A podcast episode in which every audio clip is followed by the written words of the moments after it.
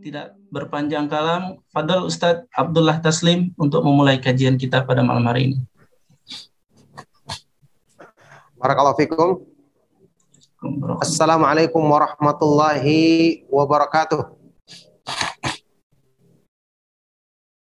Innal hamdalillah nahmaduhu wa nasta'inuhu wa nastaghfiruh wa na'udzu billahi min shururi anfusina wa min sayyiati a'malina. May yahdihillahu fala mudilla lah wa may yudlil fala hadiyalah. واشهد ان لا اله الا الله وحده لا شريك له واشهد ان محمدا عبده ورسوله اللهم صل وسلم وبارك على نبينا محمد وعلى اله وصحبه ومن تبعهم باحسان الى يوم الدين اما بعد الحمد لله معاشر الاخوه والاخوات في الدين رحمكم الله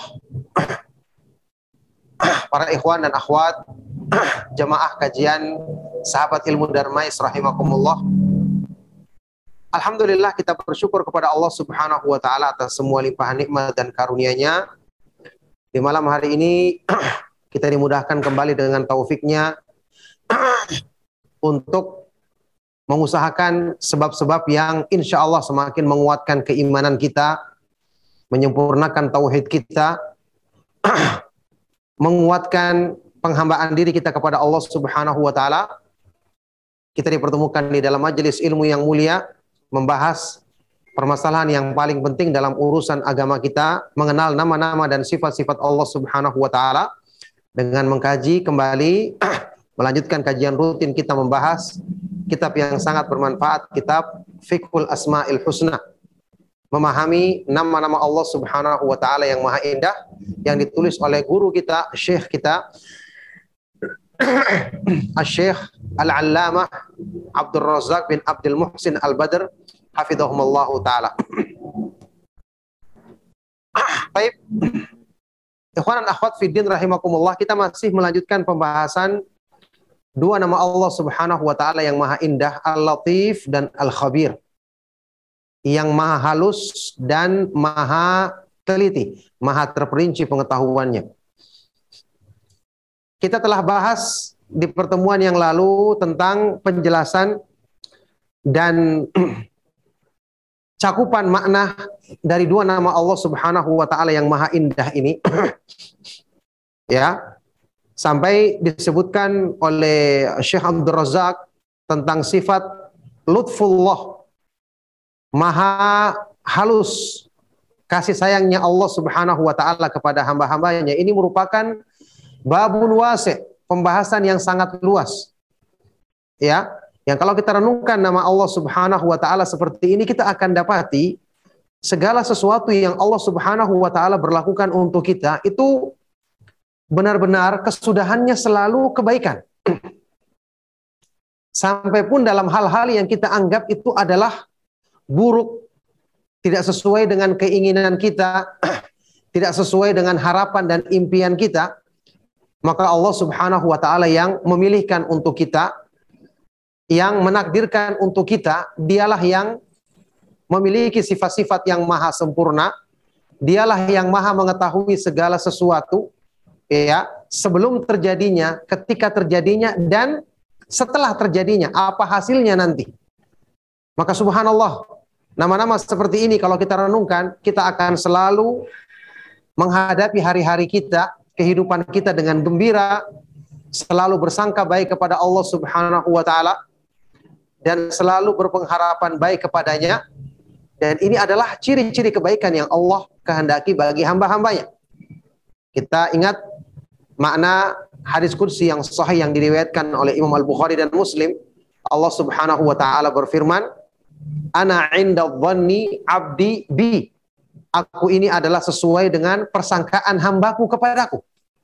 Ya, di dalam hadis lainnya yang riwayat diriwayatkan oleh Imam Muslim, Rasulullah SAW bersabda, la yamutanna ahadukum illa wa huwa yuhsinu dhanna billah. Jangan sekali-sekali salah seorang di antara kalian wafat atau meninggal dunia kecuali dalam keadaan dia bersangka baik kepada Allah Subhanahu wa taala. Maka bersangka baik dan berpengharapan baik kepada Allah ini adalah sifat terpuji yang ternyata kita mudah tumbuhkan dengan kita merenungkan nama-nama Allah Subhanahu wa taala yang menjelaskan tentang kebaikannya, apalagi kebaikannya yang tersembunyi yang mungkin kita anggap itu adalah keburukan, ternyata Allah Subhanahu wa taala menghendaki kebaikan besar bagi kita di balik semua itu. Tapi barakallahu fikum jamaah kajian sahabat ilmu Darmais rahimakumullah. Kita akan lanjutkan membaca keterangan Syekh Abdul Razak dalam kitab beliau yang bermanfaat ini. Beliau berkata, Hafizahullah taala, wa min lutfihi bi ibadihi mu'minina an yatawallahum bi lutfihi fayukhrijuhum minadh-dhulumati ilan nuri minadh-dhulumatil jahli wal kufri wal bid'i wal ma'asi ila nuril ilmi wal imani wat ta'ati. Termasuk sifat lutfullah. Maha lembut atau maha halusnya Allah Subhanahu wa taala terhadap hamba-hambanya yang beriman. Yaitu Allah Subhanahu wa taala memudahkan bagi mereka dengan sifat kelembutannya untuk mengeluarkan mereka dari kegelapan-kegelapan menuju cahaya. Dari zulumat, kegelapan-kegelapan jahal, kufur, bid'ah dan maksiat kepada cahaya ilmu, cahaya iman dan ketaatan. Yakni seseorang hamba mendapatkan hidayah dari Allah Subhanahu wa taala di akhir zaman yang penuh dengan fitnah. Yang mana jauh masa kita dengan masa Nabi Shallallahu alaihi wasallam. Di sekitar kita perbuatan bid'ah bahkan syirik masih banyak dilakukan oleh bahkan orang-orang yang menisbatkan dirinya kepada Islam. Bersamaan dengan itu Allah bukakan hidayah mungkin dari area yang tidak kita sangka-sangka. Kemudian Allah Subhanahu wa taala berikan hidayah untuk kita bisa mengenal kebaikan ini. Bahkan mungkin tidak jarang di antara kita yang dulu bergelimang di dalam kejahilan, bid'ah, berbuat yang buruk ya naudzubillah min dalik kemudian dia mendapatkan hidayah dari Allah Subhanahu wa taala setelah itu dia mengenal iman mengenal tauhid mengenal sunnah mengenal amal-amal ketaatan termasuk di sini ikhwan dan akhwat fiddin rahimakumullah kalau kita bertanya mengapa Allah Subhanahu wa taala tentu dengan hikmahnya yang maha sempurna menjadikan ya hamba-hamba yang mendapatkan hidayah kita tahu mereka pasti orang-orang yang dipilih oleh Allah Subhanahu wa taala. Kenapa mereka dulunya dibiarkan dulu berbuat maksiat, bahkan bid'ah, bahkan kufur, syirik. Kemudian diberikan hidayah. Kenapa tidak langsung diberikan hidayah dari dari awal? Terkadang muncul pertanyaan seperti ini. Ya, Allah Maha Kuasa untuk memberikan mereka hidayah sejak mereka lahir bahkan sehingga tidak perlu melakukan perbuatan maksiat dulu. Ada hikmah besar di balik semua itu dan ini termasuk makna lutfullah. Kemahalembutan, kemahalusan Allah Subhanahu wa taala. Apa itu? Orang yang mengenal keburukan, mengenal berbagai macam kegelapan, setelah dia mendapatkan hidayah dan cahaya, maka sikap berpegang teguhnya dia dengan cahaya dan hidayah ini sangat besar karena dia pernah merasakan pahitnya kegelapan dan keburukan. Subhanallah, ini di antara hikmah para sahabat dulu hidupnya di masa jahiliyah. Kemudian datang Rasulullah Sallallahu Alaihi Wasallam.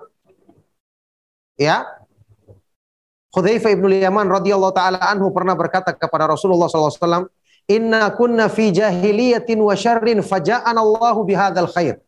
Ya Rasulullah, dulu kami hidup di masa jahiliyah dan penuh dengan keburukan, kemudian Allah datang membawa kebaikan ini, kebaikan hidayah ini kepada kami. Hasilnya, generasi para sahabat radhiyallahu taala anhum radhiyallahu taala anhum ajma'in adalah generasi yang paling utama. Karena mereka mengenal kegelapan, setelah itu ketika datang cahaya mereka benar-benar merasakan nikmatnya. Ibnu Qayyim rahimahullah taala menyebutkan faedah ini dalam kitab Al-Fawaid Ya. Kenapa di dalam Al-Qur'an Allah Subhanahu wa taala menjelaskan kejelekan dan keburukan selalu dirinci sebagaimana Allah menjelaskan kebaikan dengan rinci. Allah Subhanahu wa taala berfirman, "A'udzubillahi minasyaitonir rajim." Wa kadzalika nufassilul ayati walitastabina sabilul mujrimin. Demikianlah kami memerinci ayat-ayat kami supaya jelas jalannya orang-orang yang durhaka. Orang-orang yang berdosa. ya. Ketika kita contoh dalam kehidupan sehari-hari ingin merasakan sesuatu yang manis. Madu yang manis atau apa saja yang manis. Akan beda kalau misalnya kita belum mencicipi sesuatu langsung kita rasakan sesuatu yang manis dengan misalnya sebelumnya kita cicipi dulu sesuatu yang pahit. Pasti akan beda tingkatan rasa manis kita terhadap madu yang kita cicipi setelah itu. Kenapa? Karena sebelumnya ada perbandingan buruknya. ya. Kata para Ibu Ibnu Qayyim rahimahullah taala menukil ucapan penyair Arab yang mengatakan Al-dhiddu yudhiru husnahu dhid wa inna tatabayyana al-asya'u bi. Sesuatu itu akan semakin nampak kebaikannya dengan kita rasakan lawannya sebelumnya. Dan sesungguhnya segala sesuatu akan semakin nampak dengan lawan-lawannya atau kebalikannya. Ini di antara hikmah. Allah Subhanahu wa taala ya menjadikan orang yang tadinya terjerumus ke dalam keburukan setelah dia mengenal kebaikan maka dia akan semakin merasakan kebaikan ini benar-benar manis, nikmat. Sehingga yang namanya keburukan dia akan jauhi sejauh-jauhnya.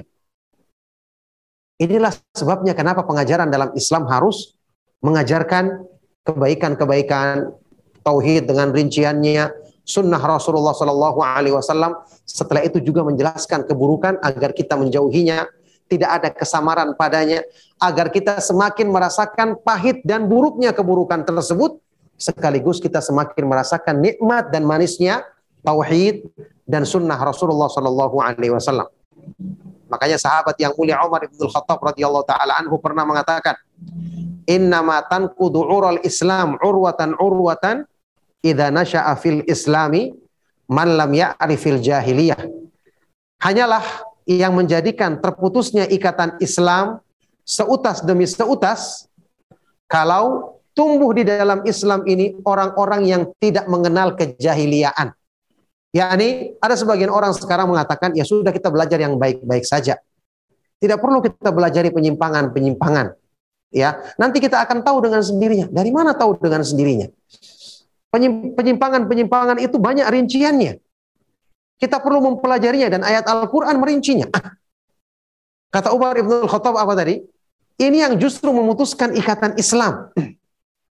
Karena keburukan-keburukan banyak yang ditampilkan seolah-olah kebenaran. Dibungkus dengan syubhat. Maka kita perlu memahaminya dengan rinci agar kita bisa menghindarinya dan tidak tertipu dengannya. Inilah tujuan kita mempelajari keburukan dengan rinci dan ini di antara hikmah Kenapa Allah Subhanahu wa taala menjadikan hamba-hambanya ya sebelumnya tergelimang ke dalam keburukan kemudian Allah Subhanahu wa taala berikan hidayah kepada mereka agar mereka semakin mantap berpegang teguh dengan kebenaran dan semakin kuat menjauhi keburukan tersebut. Baik, barakallahu fikum. Selanjutnya kata Syekh Wa min lutfihi bihim annahu yaki, yakihim ta'ata anfusihimul ammarati bisu'i allati hadha tab'uha fayuwafiquhum linahyin nafsi anil hawa. Termasuk sifat lutfullah maha halus dan maha lembutnya Allah Subhanahu wa taala terhadap hamba-hamba yang beriman bahwa dia menjaga mereka, melindungi mereka dari mengikuti keinginan nafsu mereka yang selalu memerintahkan kepada keburukan yang ini merupakan tabiat asalnya. Maka Allah memberikan taufik kepada mereka untuk menahan nafsu dari memperturutkan keinginannya. Ini banyak hal-hal yang kita dapati dalam kehidupan kita. Ya. Allah Subhanahu wa taala syariatkan banyak hukum-hukum dalam Islam contoh seperti berpuasa. Dengan berpuasa kita terbiasa menundukkan hawa nafsu di jalan Allah Subhanahu wa taala. Sampai perkara-perkara yang halal kita tinggalkan karena Allah. Ini dalam rangka melatih jiwa kita. Kita berpikir, kenapa kita harus berpuasa menahan lapar? Ternyata di sini kelembutan Allah Subhanahu wa taala mudahkan kita untuk melatih menundukkan hawa nafsu di jalan Allah dan ingat ini adalah syaratnya masuk surga. Wa amma man khafa maqama rabbih wa nahan nafsa anil hawa fa innal jannata hiyal ma'wa. Adapun orang-orang yang takut dengan agungnya kebesaran Allah Subhanahu wa taala dan menahan nafsu dari memperturutkan keinginannya, maka sungguh Allah jadikan surga sebagai tempat kembalinya, tempat tinggalnya. Masya Allah. Jadi ini menggambarkan kepada kita bahwa ya Allah Subhanahu wa taala dengan kelembutannya menjadikan kebaikan bagi hambanya dari arah yang hamba tidak sangka bahwa itu adalah kebaikan untuknya. Kemudian wa yusrifu anhum su'a wal fahsya ma'a tawafuri asbabil fitnati wa jawadhibil ma'asi wa syahwat. Allah memalingkan dari mereka keburukan dan perbuatan yang keji bersamaan dengan banyaknya sebab-sebab fitnah dan kuatnya tarikan-tarikan melakukan maksiat dan mengikuti syahwat. Jangan ada sepun, jangan ada seorang pun di antara kita yang berpikiran, oh dia mendapatkan hidayah, dia bisa belajar tauhid, menjauhi perbuatan maksiat karena kehebatan dirinya. karena asalnya hatinya yang kuat. Kalau bukan karena pertolongan dari Allah dan kelembutannya kita tidak akan bisa melakukan semua itu. Siapa kita dibandingkan dengan orang-orang yang secara ya perhitungan mereka lebih dekat dengan Islam, membela Islam, ada yang mengamalkan atau menyumbangkan banyak harta untuk Islam. Tapi mereka tidak mendapatkan hidayah. Contoh paman Rasulullah SAW Abu Talib sudah pernah kita bahas orang-orang kafir Quraisy yang mereka langsung menyaksikan kemuliaan akhlak Rasulullah SAW. Banyak orang-orang yang mengeluarkan harta untuk memperjuangkan apa yang mereka sangka sebagai Islam yang benar ternyata itu adalah menyimpang dari akidah ahlu sunnah wal jamaah. Subhanallah. Dengan berbagai macam fitnah yang demikian banyak sebabnya Allah Subhanahu wa taala mencegah memalingkan kita dari keburukan dan perbuatan yang keji, bid'ah, apalagi kesyirikan, ini semua adalah karena pertolongan dan kebaikan-kebaikan Allah Subhanahu wa taala yang disampaikan kepada kita dengan kelembutan dan halus ya. Lutfullah ya halus dan lembutnya sifat Allah Subhanahu wa taala. Fayamunnu alaihim bi burhani lutfihi wa nuri imanihim. Alladhi manna alaihim bihi fayad'unaha. Fayad'unaha mutmainnatan litarkiha nuf litarkiha nufusuhum munsyarihatan lil abdi anha suduruhum. Maka Allah Subhanahu wa taala karuniakan kepada mereka dengan petunjuk kelembutannya dan dengan cahaya iman mereka yang Allah Subhanahu wa taala berikan kepada mereka. Maka Allah Subhanahu wa taala kemudian jadikan jiwa manusia itu yang tadinya selalu merintahkan kepada keburukan menjadi jiwa yang selalu tenang kepada ketika berzikir kepada Allah. Jiwa yang selalu merasa bahagia ketika menjalankan perintahnya karena mereka jiwa-jiwa mereka dibiasakan untuk meninggalkan keinginannya yang buruk dan karena Allah jadikan munsyarihatan bagi hamba ini ya hati-hati mereka menjadi lapang ketika mendekatkan diri kepada Allah Subhanahu wa taala. Semua kebaikan-kebaikan ini ikhwan dan akhwat fiddin rahimakumullah kita rasakan itu tanpa kita sadari. Kita dapat hidayah belajar agama. Kita mengamalkan konsekuensi iman, mengamalkan sholat sesuai dengan sunnah Rasulullah SAW, puasa dan seterusnya, mungkin karena sudah terbiasa kita lakukan, kita anggap ini biasa. Tapi kalau kita renungkan, Masya Allah, seandainya Allah tidak berikan hidayah kepada kita, bagaimana kita bisa bertahan melaksanakan kebaikan-kebaikan ini di akhir zaman yang penuh dengan fitnah? Taruhlah kalau Allah berikan hidayah kepada seorang hamba kali ini, kalau di kali berikutnya Allah tidak berikan hidayah, apakah dia bisa istiqomah menjalankan kebaikan tersebut? Semua ini adalah bukti-bukti lutfullah. Ya, kemahahalusan dan kemahalembutan Allah Subhanahu wa taala dalam memberikan kebaikan-kebaikan kepada kita. Wa min lutfihi bi'ibadihi annahu yuqaddiru arzaqahum bihasabi ilmihi wa bimaslahatihim la bihasabi muradatihim. Ini juga ya, termasuk sifat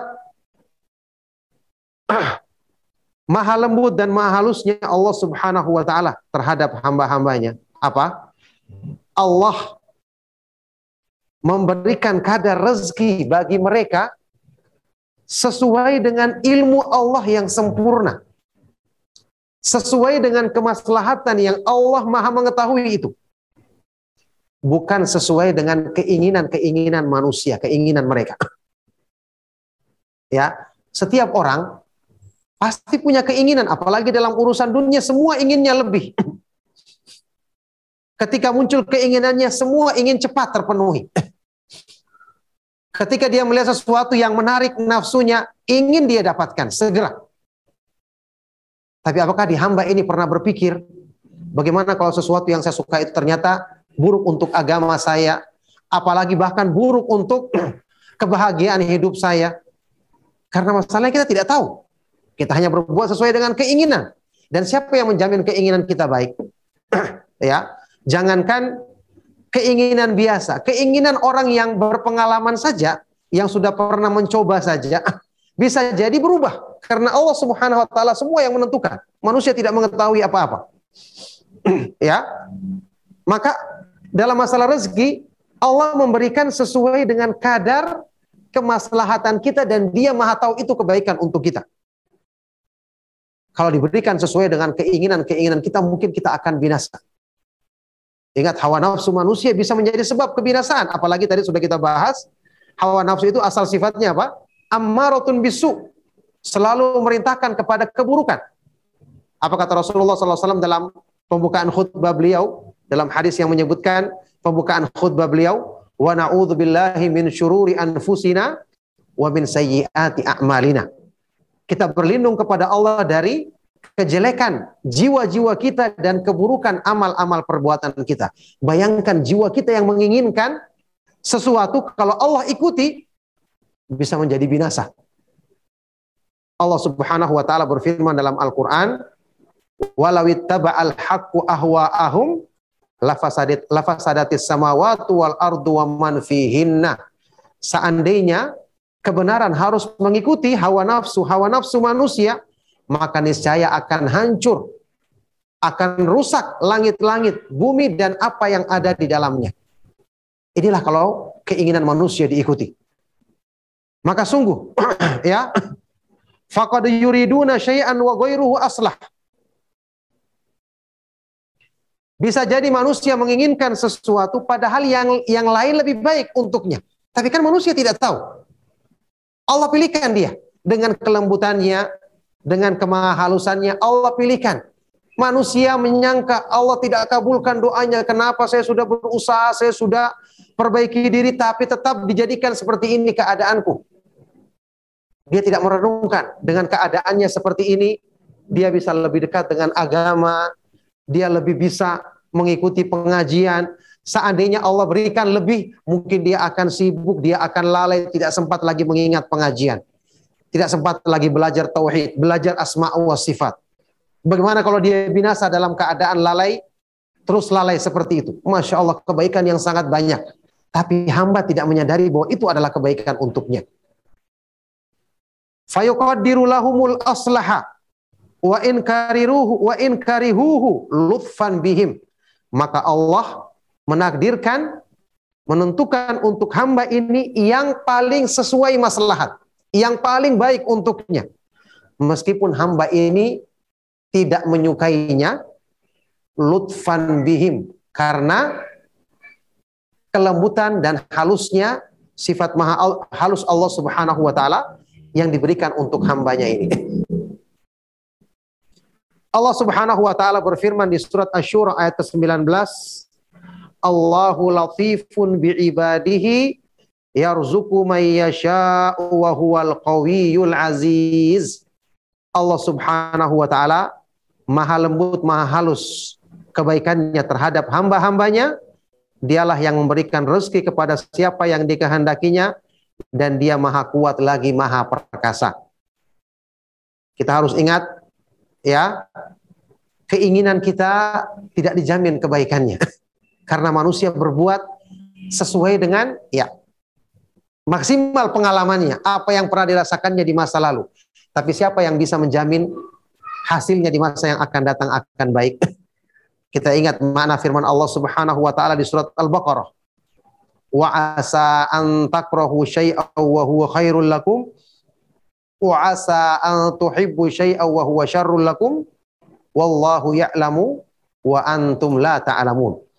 Wahai manusia, bisa jadi kalian membenci sesuatu, tidak menyukai sesuatu, padahal itu justru baik bagimu. Di situlah kebaikan untukmu, dan bisa jadi kalian menyukai sesuatu, padahal dari situlah keburukan bagimu.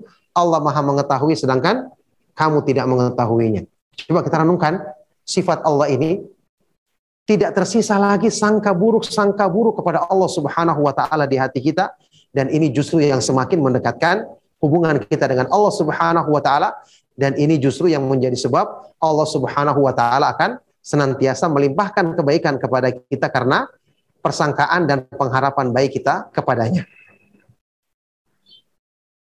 Baik, berikutnya kata Syekh Hafizahullah taala wa min lutfihi bihim annahu yuqaddiru alaihim anwa'an minal masaibi wa duruban minal balaya. Wal mihani sauqan lahum ila kamalihim wa kamali na'imihim. Termasuk kelembutan Allah. Sifat maha halus kebaikan-kebaikan Allah kepada hamba-hambanya. Yaitu ketika Allah menakdirkan bagi mereka berbagai macam musibah. Menimpa mereka berbagai macam musibah. Dan berbagai bentuk bencana serta ujian.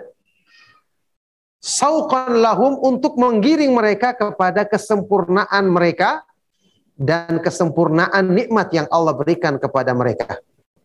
Bencana ternyata mendatangkan nikmat. Kenapa? Di balik bencana manusia diingatkan untuk bersabar dan sabar ini sifatnya penghuni surga.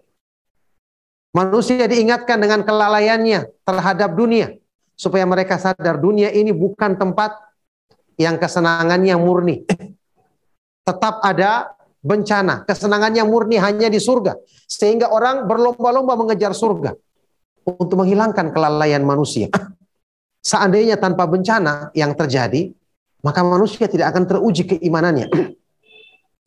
ya. Saya tidak ingat apakah saya pernah menjelaskan sebuah penjelasan yang dijelaskan yang disampaikan oleh Imam Ibnu Qayyim rahimahullah taala dalam kitab Al-Fawaid. ya, tentang dua perbandingan. Yang pernah ditanyakan kepada salah seorang sahabat Nabi Shallallahu alaihi wasallam kata Imam Ibnu Qayyim rahimahullah taala Mana yang lebih utama antara dua orang hamba yang berjalan menuju Allah Subhanahu wa taala Yang satu dalam hidupnya dia tidak pernah mendapatkan cobaan-cobaan. Lurus-lurus saja jalannya. Sementara yang satu dia harus mendapatkan cobaan, rintangan dalam perjalanannya, dia harus jatuh bangun, ya, dia harus melawan seolah-olah ada musuh, dia harus berhenti sebentar melawan lagi, kemudian berjalan lagi. Dibandingkan yang pertama, mana yang lebih utama? Ini Ibnu Qayyim rahimahullah taala sebutkan pertanyaan ini diajukan kepada Umar Ibn Khattab radhiyallahu taala anhu seorang sahabat yang mulia yang akan menjawab dengan kecerdasannya, dengan ilmu yang Allah Subhanahu wa taala mudahkan bagi beliau. ya, sepintas kita akan berpikir orang yang pertama enak dia lurus jalannya, tidak ada rintangan, cepat sampai. Orang yang kedua pasti banyak rintangan, susah sampainya. Ternyata Umar Ibn Khattab radhiyallahu taala anhu mengatakan orang yang kedua ini yang lebih utama karena dia termasuk orang yang disebutkan di dalam firman Allah di surat Al-Hujurat. Minal ladzina imtahanallahu qulubuhum littaqwa lahum maghfiratu wa ajrun azim. Dia termasuk orang-orang yang Allah uji hatinya untuk Allah sempurnakan ketakwaan baginya. Dia akan mendapatkan pengampunan dan pahala yang agung di sisi Allah Subhanahu wa taala. Ternyata jawabannya tidak seperti yang kita bayangkan. Orang yang kedua, dengan berbagai macam cobaan, ujian, ini justru orang yang tahan banting berarti teruji kecintaannya kepada Allah Subhanahu wa taala. Ya, sampai-sampai Ibnu Qayyim rahimahullah taala membuat perumpamaan. Mana yang lebih cinta kepada kekasihnya? Orang yang jalannya mulus-mulus saja atau orang yang kedua jalannya banyak rintangan tetapi dia terus melangkah akhirnya berjumpa dengan kekasihnya. Orang yang kedua jelas. Orang yang pertama, seandainya ada rintangan, bisa jadi dia akan berpaling. Belum teruji imannya. Maka subhanallah, ini di antara hikmah yang menunjukkan luasnya makna kelembutan. Kebaikan-kebaikan halus yang Allah subhanahu wa ta'ala berikan kepada hamba-hambanya. Dari berbagai macam bencana pun ternyata, kalau kita renungkan di situ banyak hikmah dan kebaikan-kebaikan yang Allah jadikan pada diri seorang hamba dengan bencana tersebut. Wa min lutfihi bi 'abdihi an yuqaddira an yatarabba fi wilayati ahli salahi wal ilmi wal imani wa baina ahli khairi liyaktasiba min adabihim wa ta'dibihim. Wa ansha'a kadzalika min abawaini salihaini. Wa an yunsha'a kadzalika baina abawaini salihaini wa aqariba. Atqiya. Wa aqariba atqiya'a wa fi mujtama'in salihin fahadha min a'dhamul lutfi bil abdi. Termasuk kelembutan kebaikan-kebaikan Allah Subhanahu wa taala yang halus sampai kepada hambanya yaitu dengan Allah menakdirkan menetapkan hamba ini tumbuh di dalam lingkungan orang-orang yang soleh, orang-orang yang berilmu, orang-orang yang beriman. Dia tumbuh di kalangan orang-orang yang selalu melakukan kebaikan agar dia bisa mengambil contoh dari adab-adab dan tingkah laku mereka yang terpuji. Kemudian Allah Subhanahu wa taala jadikan dia tumbuh dalam asuhan dua orang tua yang soleh kerabat-kerabat yang bertakwa di lingkungan yang baik. Kata beliau, maka ini merupakan sebesar-besar lutf kelembutan Allah yang Allah berikan kepada hamba. Kenapa? Fa inna salahal abdi mauqufun ala asbabin kathiratin min a'dhamiha naf'an hadhil halatu. Karena kebaikan seorang hamba tergantung dari banyak sebab termasuk sebab yang paling besar manfaatnya adalah kebaikan-kebaikan yang disebutkan di dalam penjelasan ini. yakni dia tumbuh di lingkungan yang baik, orang tuanya baik, masyarakatnya juga mendukung, teman-temannya baik. Jadi jangan kita merasa sekali lagi eh, kita bisa mengikuti pengajian. Kita bisa adakan kajian-kajian rutin belajar akidah, belajar iman, belajar ibadah yang benar, belajar hukum-hukum Islam. Kita bertemu dengan teman-teman yang baik. kita kemudian punya komunitas orang-orang yang bisa mengingatkan kita dengan kesalahan. Ada teman kita yang selalu menasihati, jangan kita anggap ini kebetulan. Ini termasuk lutfullah. Kebaikan halus yang Allah sampaikan kepada kita. Pernahkah kita mensyukurinya? Yang kemudian kita banding-bandingkan selalu, kenapa saya minta ini tidak dikasih? Kenapa kok saya mendapatkan seperti ini? Masya Allah kebaikan yang Allah berikan kepada kita banyak. Kalau kita renungkan, yang sampai kepada kita dari arah yang tidak kita sangka-sangka. Bahkan ini adalah kebaikan yang paling besar. Kita menemukan orang-orang yang mau bersama kita saling menasihati dalam kebaikan. Saling berbagi ilmu. Bukan karena harta yang kita miliki. Bukan karena kelebihan-kelebihan yang kita punyai dari urusan dunia. Ini adalah semata-mata karena lutfullah, kelembutan, ke kehalusan, sifat-sifat Allah Subhanahu wa taala yang maha halus yang diberikannya kepada kepada kita. Baik. Wa min lutfillahi bi 'abdihi an yaj'ala rizqahu halalan fi rahatin wa qana'atin yahsul bihil maksud. Dan termasuk di antara kelembutan Allah kepada hambanya. Yaitu dengan Allah menjadikan rezeki hamba ini halal. Ya, bisa menjadi sebab dia rohah menjadikan dia tenang, menjadikan dia cukup tercapai maksudnya. Ingat urusan rezeki itu Allah berikan sesuai dengan ilmu Allah yang sempurna bahwa inilah yang bisa menegakkan agama kita, menjadikan kita tidak lalai, kalau mungkin berlebihan lebih daripada yang Allah berikan, menjadikan kita tidak terfitnah dengan harta. Ingat, harta sudah kita sebutkan berkali-kali hadis yang sahih. Apa kata Rasulullah SAW? Inna likulli ummatin fitnah wa fitnatu ummati mal. Sesungguhnya masing-masing umat ada fitnahnya dan fitnah bagi umatku adalah adalah harta. Karena itu ini hal yang harusnya kita syukuri ketika Allah berikan kepada kita dari urusan dunia, dari rezeki, maka itulah yang mencukupi kita dan sesuai dengan maksud atau tujuan yang Allah Subhanahu wa taala jadikan kebaikan untuk kita. Wala yushgiluhu amma khuliqalahu minal ibadati wal ilmi wal amali bihi bal yu'inuhu ala dhalik. Yang kemudian rezeki itu tidak menyibukkan hamba ini dari tujuan penciptaan dirinya yaitu beribadah, belajar ilmu agama, mengamalkannya, bahkan Allah Subhanahu wa taala menolongnya untuk menunaikan kewajibannya tersebut. Coba kalau kita diberikan kedudukan yang lebih, harta yang lebih, kita akan sibuk. Kita akan lalai, tidak punya waktu. Dan betapa banyak orang-orang yang ya memang mungkin sebagian urusan itu mubah kita lakukan. Ada seorang yang mungkin dia mendapatkan kedudukan tertentu. Masya Allah dia datang pengajian, dia bisa aktif mengikuti majelis ilmu ditawari untuk mendapatkan kedudukan yang lebih tinggi. Ya.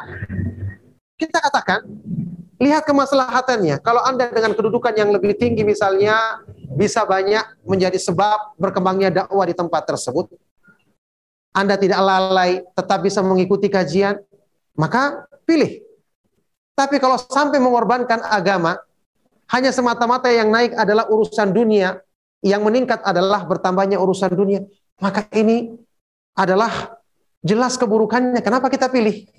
Keadaan kita yang sebelumnya cukup dalam urusan dunia kita, ternyata juga masih bisa kita luangkan waktu untuk banyak kebaikan, ya. Kalau setelah itu kemudian membuat kita kurang dari ngaji, kurang dari belajar agama, kurang dari bisa menolong saudara-saudara kita dalam kebaikan, maka ini berarti bukan kemaslahatan untuk kita mengambil kedudukan yang lebih tinggi tersebut. Ya. Jadi Allah Subhanahu wa taala memberikan kepada kita itu yang cukup. Itu kemaslahatan yang memang sesuai dengan keadaan kita dan Allah Subhanahu wa taala maha, maha mengetahui sedangkan kamu tidak mengetahui.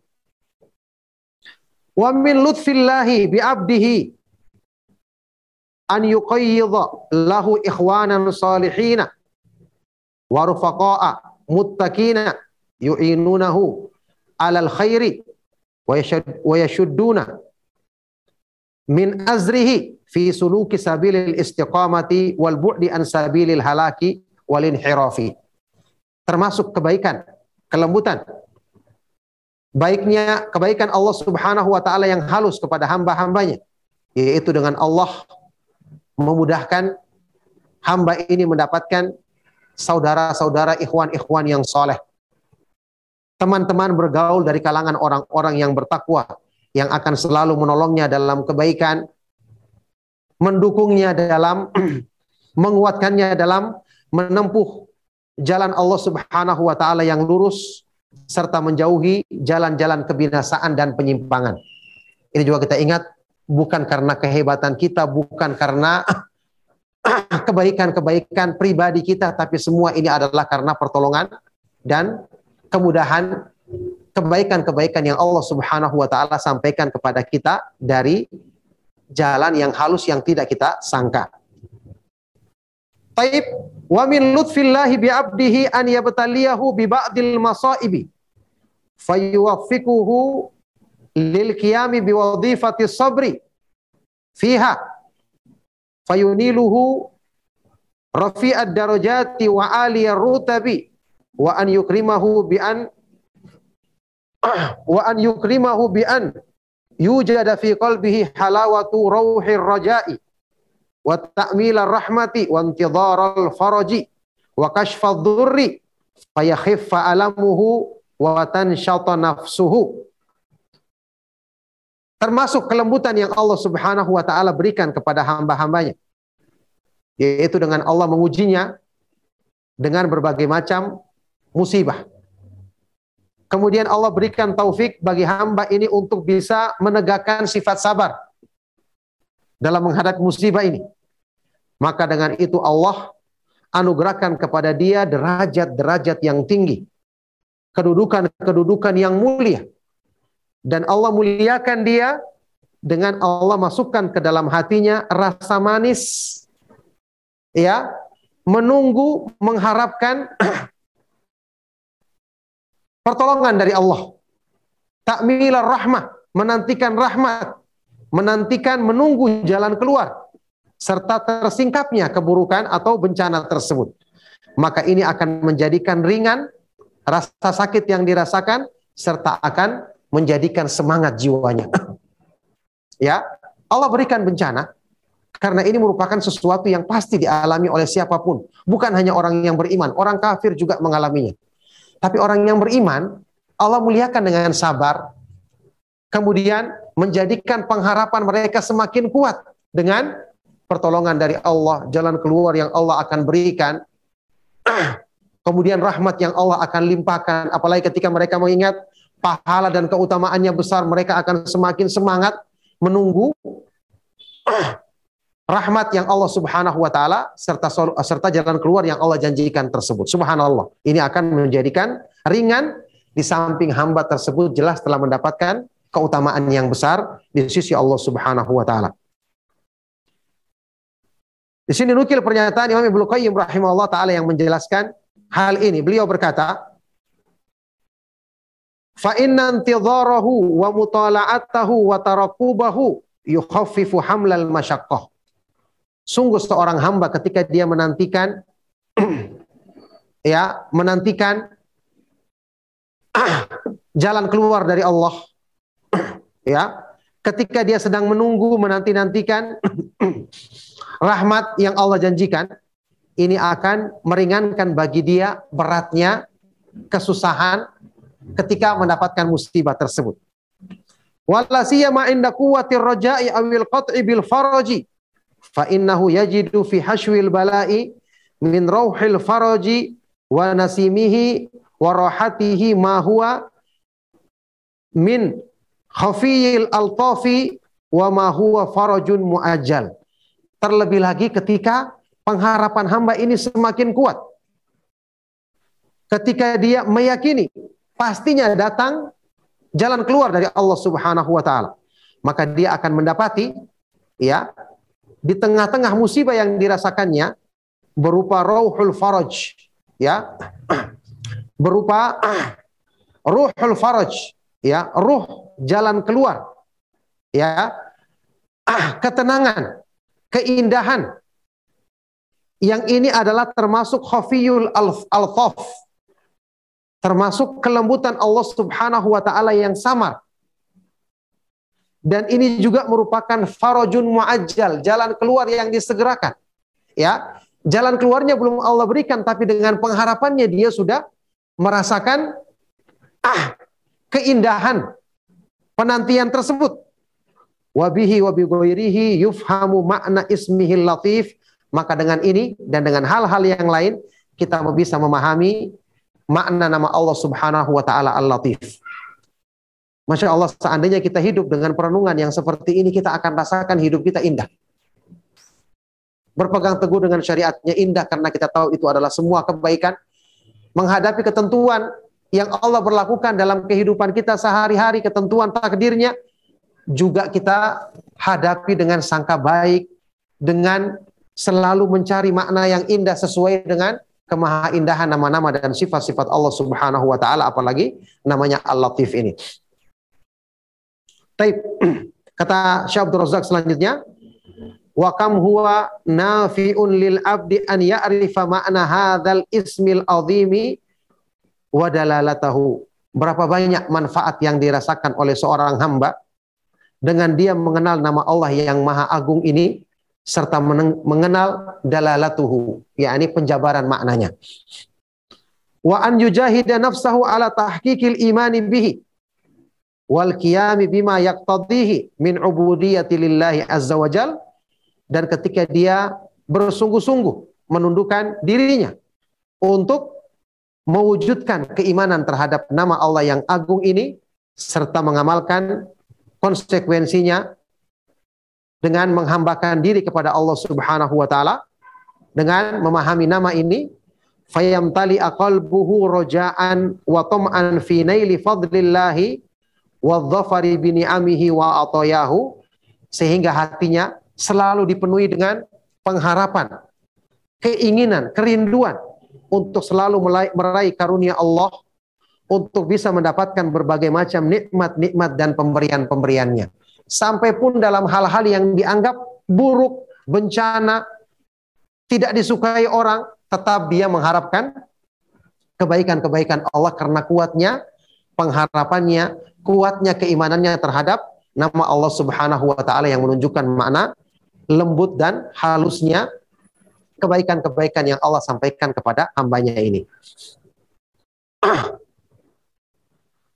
mutaharriyan fi kulli ahwalihil fauza bil awaqibil hamidati wal ma'alatir rasyidah yang mana dia selalu mengharapkan mencari dalam semua keadaannya mencari al-fauz keberuntungan dengan kesudahan-kesudahan yang terpuji yang Allah janjikan dan akibat-akibat yang yang baik yang Allah Subhanahu wa taala berikan sesuai dengan keimanan dan pengharapannya.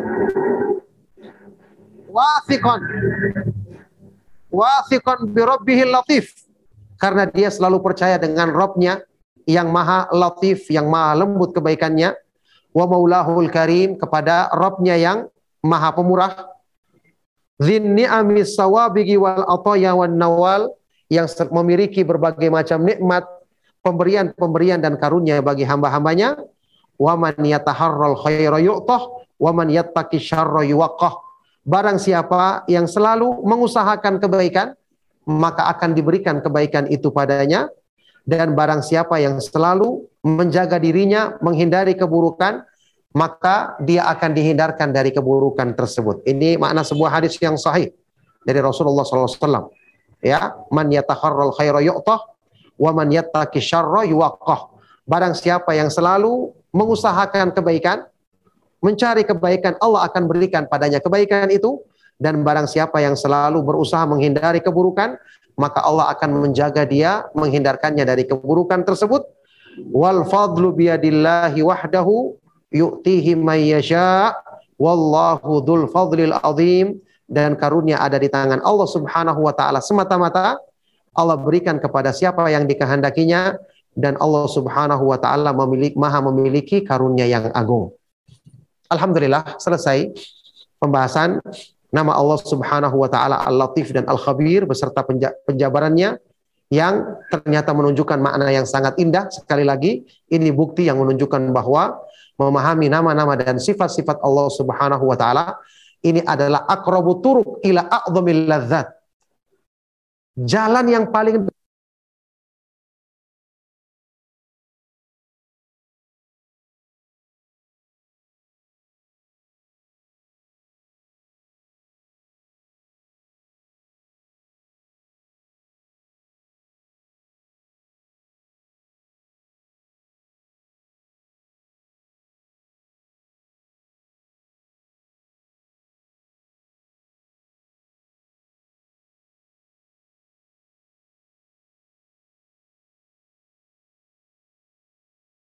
tentang pembahasan nama Allah Subhanahu wa taala Al-Latif dan Al-Khabir.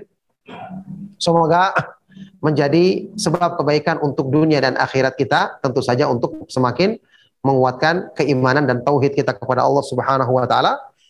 Kita lanjutkan dengan tanya jawab di sisa waktu yang masih ada. Barakallahu fikum. Sallallahu wasallam wa barak ala nabiyina Muhammad wa ala alihi wa sahbihi ajma'in walhamdulillahi rabbil alamin. Nah, Alhamdulillah, barakallahu fikum Ustaz atas materinya pada malam hari ini, masya Allah sangat luar biasa sekali materinya bagi penanya. Silakan kita mulai untuk sesi tanya jawab. Kita mulai dari yang raise hand terlebih dahulu pada Fadil Lagwa. Tafadhal, silakan. Assalamualaikum Ustadz. Waalaikumsalam warahmatullahi wabarakatuh. Uh, Ustadz, saya izin bertanya, jika sesuatu yang tidak bagus itu uh, dibungkus dengan sesuatu yang bagus dan terkadang kita susah membedakannya, kita bagaimana cara membedakannya Ustadz? Sekian. Wassalamualaikum warahmatullahi wabarakatuh. Bisa diulang pertanyaannya, maaf saya kurang jelas. Uh, kita terkadang melihat sesuatu yang tidak bagus itu dibungkus uh, semenarik mungkin agar kelihatan seperti bagus. Cara kita mengetahui itu tidak bagus jika dibungkus bagus bagaimana Ustadz? Sekian. Wassalamualaikum warahmatullahi wabarakatuh. Afan Al-Akh yang jadi uh, moderator atau hostnya, Ya. coba tolong diulang. Saya tadi kurang jelas, benar. Saya Begini kurang- Ustadz, eh, Ya. bagaimana apabila sesuatu yang tidak bagus dibungkus seolah-olah itu bagus begitu Ustadz? Iya. Barakallahu fikum. Pertanyaan yang sangat baik sekali dari beliau yang bertanya semoga Allah Subhanahu wa taala senantiasa memudahkan kebaikan dan limpahan rahmatnya kepada antum dan kepada kita semua. Bagaimana dengan sesuatu yang tidak baik tapi dibungkus seolah-olah menjadi sesuatu yang baik? Begitu kalau nggak salah pertanyaannya. ya. Kalau ini berhubungan dengan urusan agama, kan sudah ada jawabannya dalam agama kita. Segala sesuatu yang buruk dibungkus dengan kebaikan, dengan kita belajar agama, Allah akan mudahkan semua. Kan yang namanya syubhat, kerancuan dalam memahami agama, Allah telah janjikan di dalam Al-Quran, di surat Al-Furqan, kepada Rasulnya Shallallahu Alaihi Wasallam, wala ya'tunaka bimathalin illa ji'naka bil wa ahsana tafsira. Tidaklah orang-orang kafir itu mendatangkan kepadamu satu kerancuan syubhat, yakni kebaikan yang dibungkus seolah-olah eh, keburukan yang dibungkus seolah-olah baik. Tidaklah mereka membawakan itu kecuali kami akan berikan kepadamu wahai Rasulullah di dalam Al-Qur'an, di dalam agama ini kami akan datangkan bagimu kebenaran dan sebaik-baik penjelasan. Kalau masalah yang berhubungan, kalau hal ini misalnya maksudnya adalah dalam urusan agama, maka dengan kita belajar ilmu agama, kita yakin semua jawabannya sudah ada di dalam dalil ayat-ayat Al-Quran dan hadis-hadis yang sahih dari Rasulullah SAW dengan pemahaman para sahabat radhiyallahu taala anhum majmain. Kalau sesuatu yang berhubungan dengan urusan dunia, yang berhubungan dengan urusan dunia kembali kepada masalah tadi, kalau kita misalnya tertipu, ternyata kita menganggap baik, ternyata itu ternyata buruk, tidak sesuai dengan penampilan. Kembali kepada makna musibah tadi, Allah menghendaki musibah ini untuk menyempurnakan kesabaran kita, mengangkat derajat kita. Ternyata ini buruk. Tadinya kita lihat keli- kelihatannya baik. Kita membeli sesuatu. kita menyangka baik karena promosinya begini, ternyata buruk kita dapatkan. Allah Subhanahu wa taala menginginkan kita tidak mendapatkan yang baik dari barang yang kita inginkan ini karena itu nanti bisa melalaikan kita. Ingat, wa asa an takrahu syai'an wa huwa khairul lakum wa asa an tuhibbu syai'an wa huwa syarrul lakum wallahu ya'lamu wa antum la ta'lamun. Bisa jadi kamu membenci sesuatu padahal itu adalah baik bagimu atau kamu menyukai sesuatu padahal itu adalah justru buruk bagimu. Allah Maha mengetahui sedangkan kamu tidak mengetahuinya. Nah, barakallahu fikum. Fikum barakallahu Ustaz. Pertanyaan kedua kami ambil dari kolom chat. Masalah suara akhwat nih Ustaz. Suara akhwat itu ya. adalah aurat.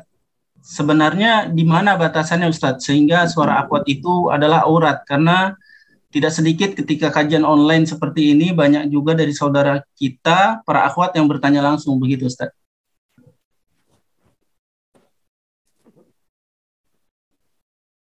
Ya. Barakallahu fikum masalah perkataan suara akhwat itu adalah aurat ini tidak ada dalilnya sebenarnya secara jelas. Kalau berpotensi menimbulkan fitnah mungkin benar suara yang mendayu-dayu, suara yang lemah lembut misalnya.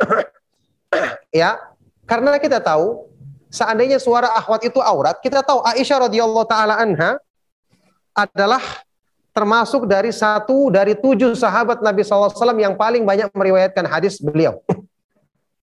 yang banyak banyak meriwayatkan hadis beliau dan tentu ketika Aisyah radhiyallahu taala anha meriwayatkan hadis, ya bukan cuma kepada tabiin yang perempuan, Memang ada di antara muridnya Aisyah radhiyallahu taala yang terkenal adalah Amrah binti bintu Abdurrahman. Ini termasuk tabi'in perempuan yang paling utama yang paling dalam ilmunya. Seperti misalnya juga Hafsah bintu Sirin. ya, dua tabi'in perempuan yang terkenal dalam keilmuan mereka, ya. Tapi nanti ada juga murid-murid Aisyah radhiyallahu taala anha sebagaimana juga istri-istri Nabi SAW juga menyampaikan hadis kepada para tabi'in. Kalau seandainya aurat berarti tidak mungkin istri-istri Nabi SAW ya menampakkan auratnya. Jadi tidak mutlak seperti itu. Yang disebutkan dalam Al-Quran ya ketika Allah Subhanahu Wa Taala mengingatkan untuk perempuan tidak boleh melembutkan suaranya. Karena alasannya fayat ma'alladhi fi qalbihi marad akan bisa menjadikan keinginan di hati orang yang ada penyakit di hatinya. Keinginan di hati orang yang punya penyakit hati. Itu yang dilarang. Fala yakhdha'na bil qaul, fala tahdha'na bil qaul. Jangan kalian melembutkan suara, menjadikan suaranya lembut. Ini akan menjadi fitnah. Kalau suaranya wajar-wajar saja, biasa tidak mengapa. ya, meskipun tentu saja kalau dijadikan ini bebas ya akan bisa terjerumus Bagaimanapun misalnya kadang-kadang ada seorang perempuan yang dia mungkin tabiat bicaranya sudah seperti itu, dia tidak bikin-bikin tapi bisa menimbulkan fitnah misalnya.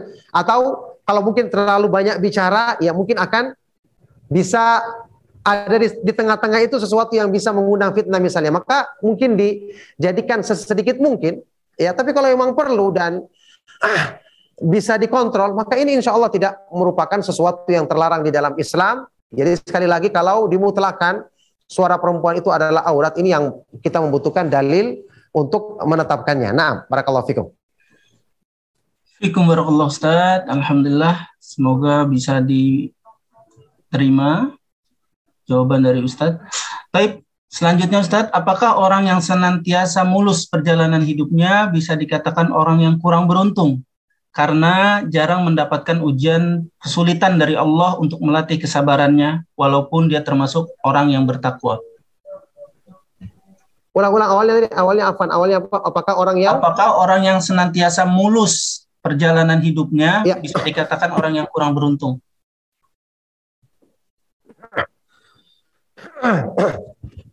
Ya, barakallahu fikum. Ini pertanyaan antum pertanyaan atau sekedar kemungkinan atau sekedar mereka-reka. Sekarang apakah mungkin ada orang yang hidupnya bertakwa sempurna imannya tuh jalannya mulus-mulus saja? Kan tidak ada yang seperti itu.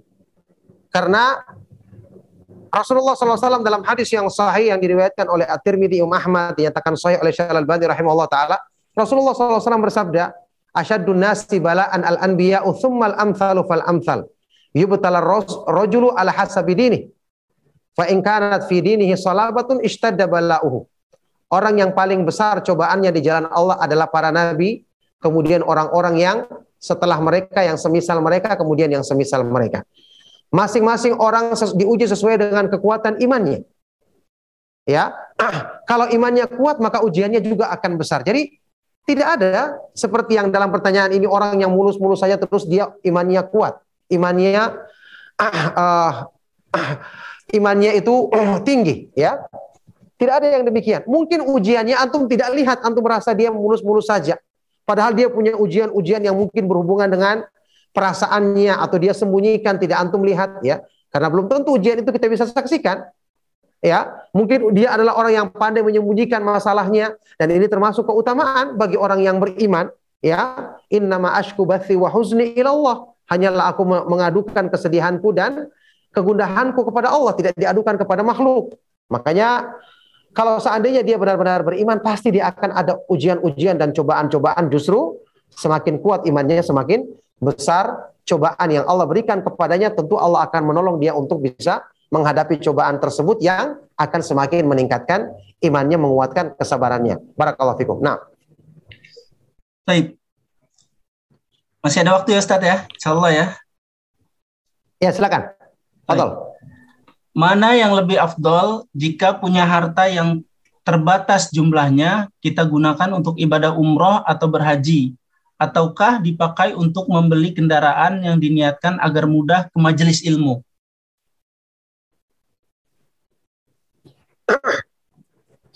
Iya, barakallahu fikum. Pertanyaan yang sangat baik sekali. Semoga Allah Subhanahu wa taala senantiasa memudahkan kebaikan dan keberkahan bagi antum yang bertanya ini maupun sebelumnya dan juga untuk kita semua. Mana yang lebih afdol di antara dua hal tadi? Ya tentu tergantung dari kemaslahatannya. Banyak yang dia bisa gunakan dengan kendaraannya misalnya termasuk tadi di samping untuk pengajian, kemudian mungkin dia juga akan bisa memudahkan dirinya dan keluarganya, anak-anaknya, istrinya ya, lebih bisa diajak misalnya untuk kebaikan-kebaikan. Cuman tadi kalau memang perbandingannya seperti untuk umroh atau haji, kalau memang dia belum bisa, dia belum pernah melaksanakannya, maka ini wajib didahulukan.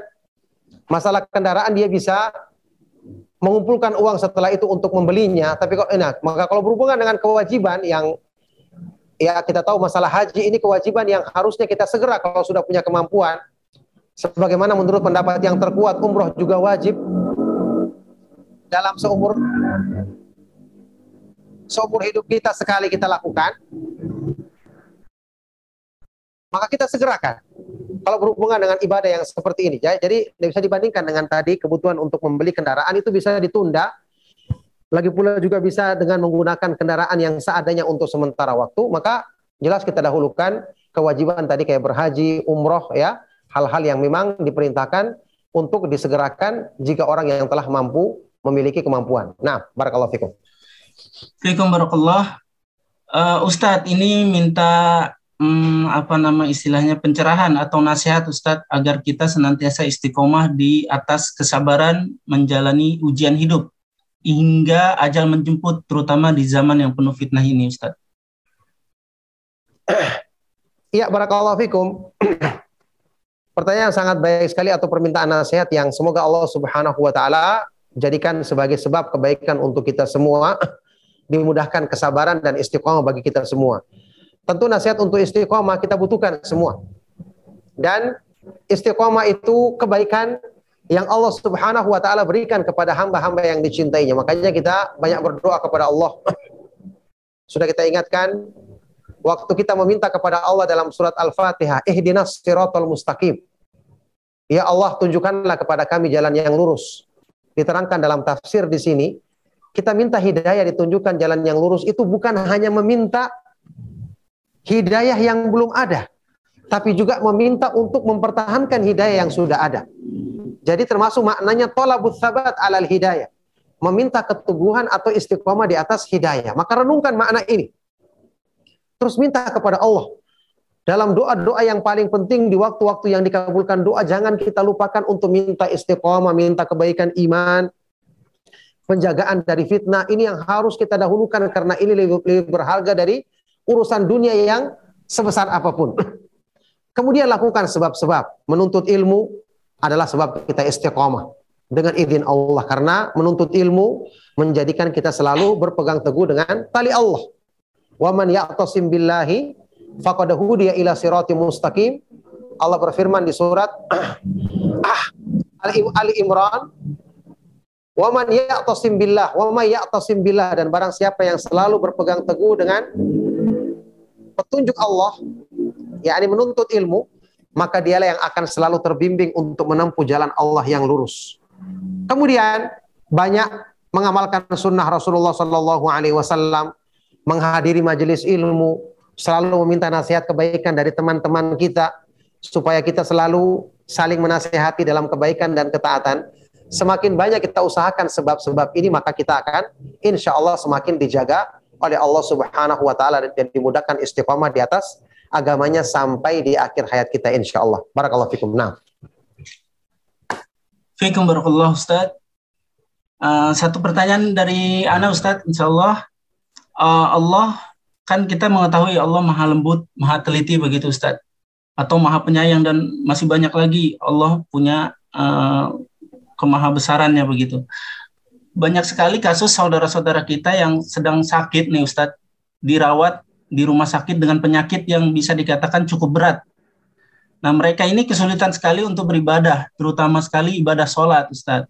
Apalagi sering sekali terkadang darah keluar dari tubuhnya seketika begitu atau air kencing yang keluar tiba-tiba mereka menganggap bahwa sholatnya khawatir nanti tidak diterima atau tidak sah begitu sementara mereka ingin sekali untuk beribadah begitu Ustaz terutama sholat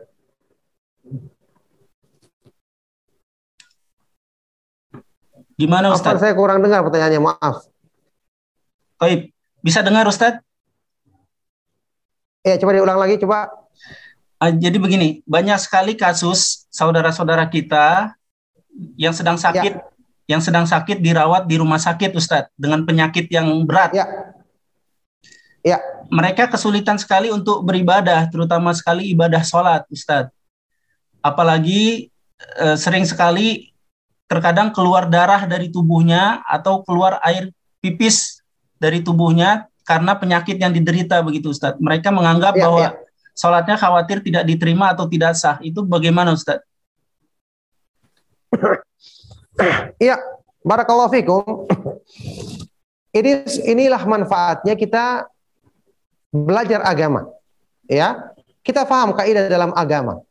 Allah Subhanahu wa taala berfirman, "La yukallifullahu nafsan illa wus'aha." Allah tidak membani seseorang kecuali sesuai dengan kesanggupannya. Fattakullaha mastata'tum. Bertakwalah kepada Allah sesuai dengan kesanggupanmu.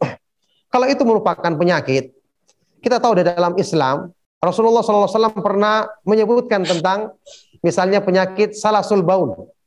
Ya, kencing yang keluar terus-menerus. Rasulullah SAW telah memberikan solusi, cukup dibersihkan di awal, dia berwudu di awal, bersihkan di awal, kemudian berwudu, setelah itu dia sholat yang keluar, yang namanya penyakit, itu tidak membatalkan lagi wudu dan sholatnya. Maka demikian pula penyakit yang seperti ini. ya, sesuatu yang tidak bisa ditahan atau keluarnya di luar kesanggupan kita untuk mencegahnya, maka ini jelas dimaafkan di dalam Islam. Ya, daripada dia tidak sholat sama sekali, maka dia laksanakan sesuai dengan kesanggupannya, apalagi dalam kondisi sakit yang juga kadang-kadang tentu susah untuk kena air misalnya juga ya. Bahkan dalam Islam kalau misalnya berwudhu dengan menggunakan air menambah sakitnya atau menunda kesembuhannya, dia bisa tayamum.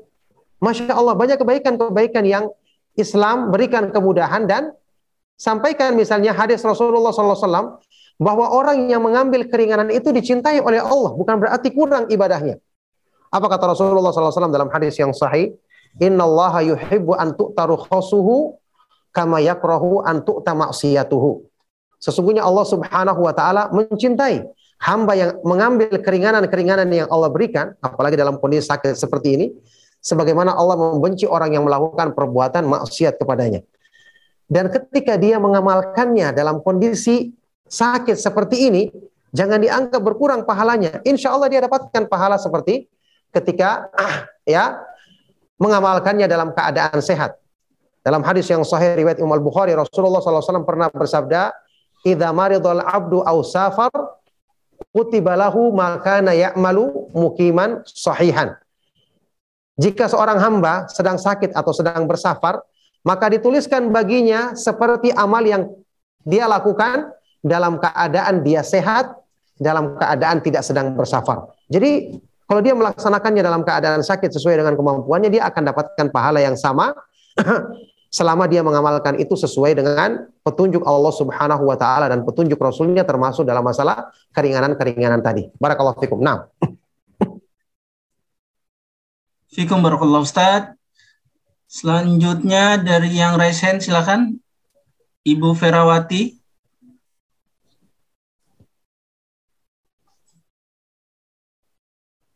Fadol Ibu.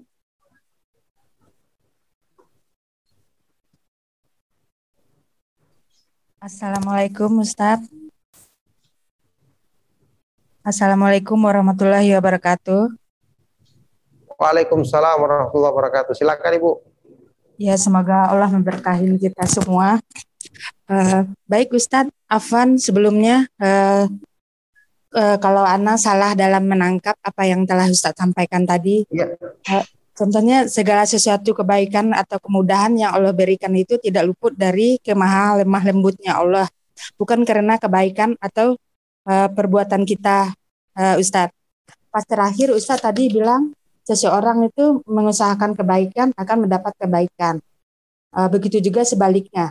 Kadang kita berpikiran begini Ustadz, misalnya kita uh, mendapat sesuatu nikmat gitu Ustadz. Contohnya tiba-tiba orang menolong kita, terus kita kepikiran dengan kita memudahkan orang, Allah juga memudahkan kita. Terus tapi dalam konteksnya kita tetap bersyukur sama Allah yang pertama Ustadz. Itu gimana itu Ustadz? Apakah boleh kita beranggapan seperti itu Ustadz?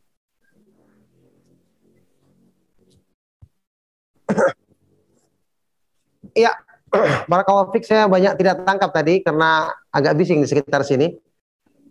ya, uh, yang saya pahami tadi Ketika saya menjelaskan bahwa kebaikan-kebaikan yang Allah yang kita bisa lakukan itu adalah kemudahan dari Allah bukan karena kebaikan yang kita usahakan dari diri kita. Sementara di akhir tadi saya sebutkan kita bacakan penjelasan Syekh Abdul Razak man yataharral khaira man yataharral khaira yu'tah. Barang siapa yang mengusahakan kebaikan Allah akan berikan kepadanya. Di sini Ya pertanyaan yang sangat baik sekali dari beliau yang bertanya tadi. Semoga Allah Subhanahu wa taala mudahkan ah, kebaikan, mudahkan keberkahan dan rahmatnya kepada beliau dan kepada kita semua. Di sini perlu kita membedakan antara mengusahakan sebab dan yang menentukan akibat. Kalau kita mengatakan ya amalan soleh adalah sebab masuk surga. ya, Terus kita mengatakan seseorang tidak akan masuk surga kecuali karena karunia dan rahmat Allah Subhanahu wa taala semata-mata. Apakah ada pertentangan? Jawabannya tidak ada pertentangan. Kita berbuat baik itu merupakan sebab. Tapi yang menentukan semua adalah Allah Subhanahu wa taala. Dan ingat, kita berbuat baik itu pun juga dengan taufik dari Allah. Sekarang kita mengusahakan sebab itu dari siapa kalau bukan taufik juga dari Allah?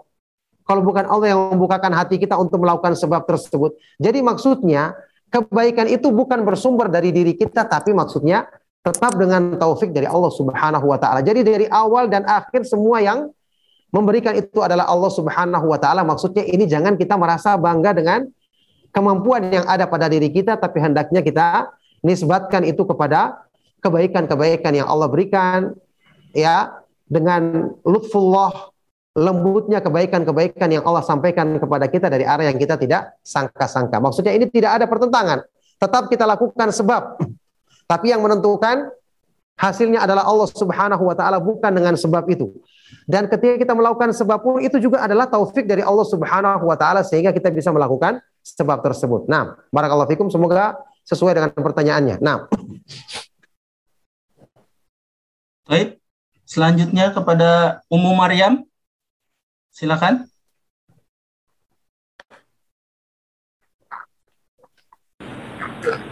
sama Pak Nur atau Umum Maryam nih Pak. Oh iya, Fadal silakan Pak. Iya. Maaf, Assalamualaikum warahmatullahi wabarakatuh, Ustaz. Waalaikumsalam warahmatullahi wabarakatuh. Silakan Pak. Iya. Eh, minta arahannya, Ustaz. Eh, saya saat ini itu masih menunggu untuk eh, ibadah haji tahun ini yang rencana terbang nanti malam jam 12. Namun ada kendala visa sampai saat ini belum turun.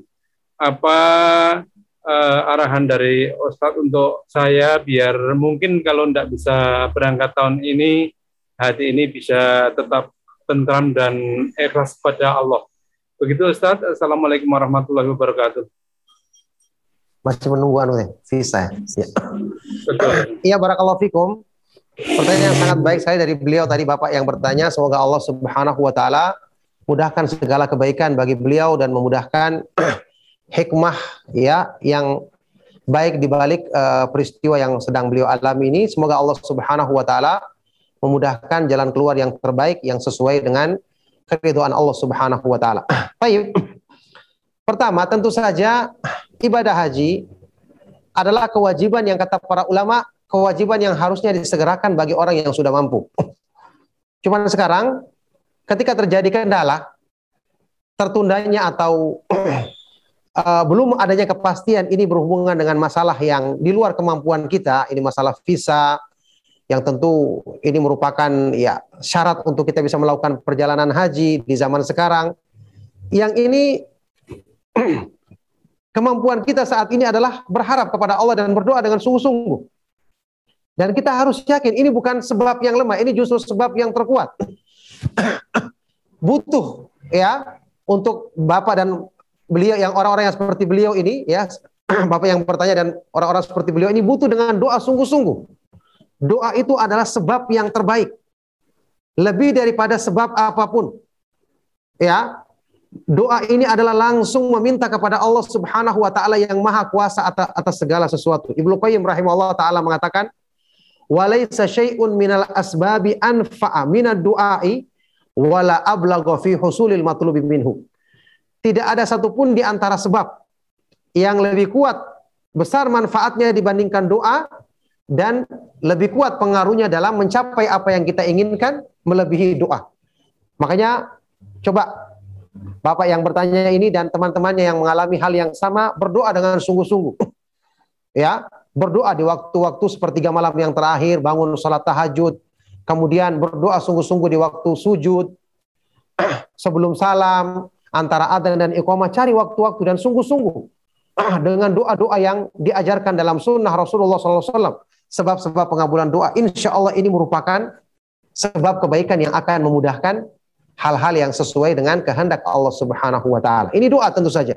Kalaupun karena ini jelas kebaikan untuk segera menunaikan ibadah haji. Kalaupun ternyata Allah menghendaki yang lain, berarti kita yakin seperti tadi ini adalah sesuai dengan kemaslahatan untuk kita. Banyak hal-hal di balik semua ini hikmah yang terkandung di balik semua ini. Seandainya Allah pun menunda, maka kita yakini Allah Subhanahu wa taala adalah Al-Latif, Maha lembut kebaikannya, Maha halus sampai kepada kita dari arah yang tidak disangka-sangka. Tentu Allah Subhanahu wa taala menghendaki kebaikan apa pun yang Allah Subhanahu wa taala jadikan eh, terjadi pada keadaan yang sedang menimpa beliau ini dan mereka-mereka yang sedang menantikan eh, visa haji tersebut. Barakallahu fikum. Nah, Baik, kembali ke kolom chat. Masih ada waktu ya Ustaz, insya Allah ya. Berapa pertanyaan lagi Ustadz? Boleh? Uh, iya silakan boleh satu pertanyaan lagi. Afwan di sini saya di pinggir jalan di masjid jadi agak bising suaranya. Baik, boleh satu pertanyaan lagi silakan. Baik. Uh, ini masalah was-was Ustadz. Jika ya, selalu muncul was-was, apakah suatu perbuatan atau ucapan termasuk kekufuran atau tidak? Apakah kita wajib untuk bertanya atau boleh mengabaikannya Ustadz?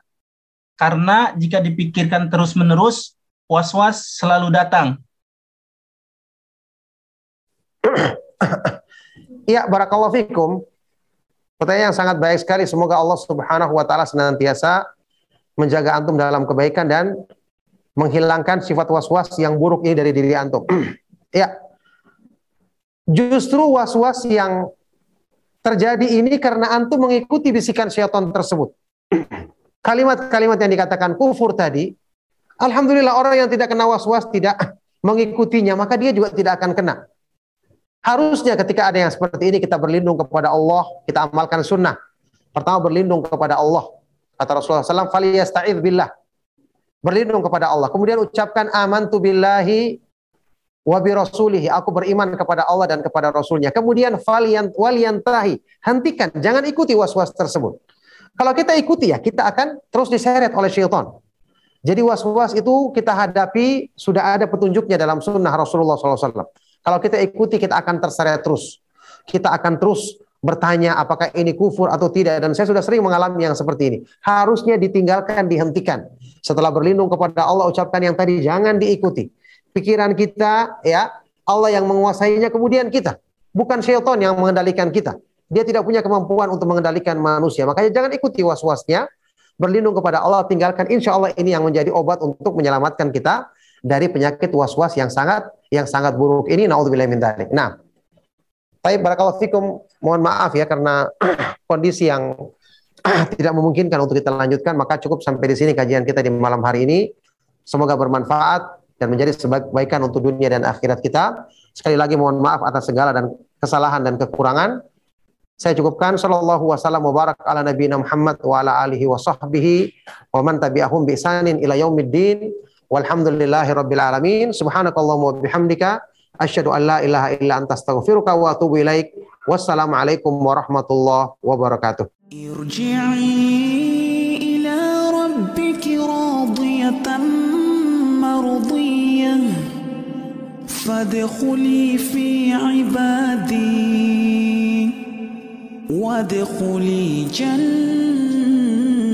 جنتي.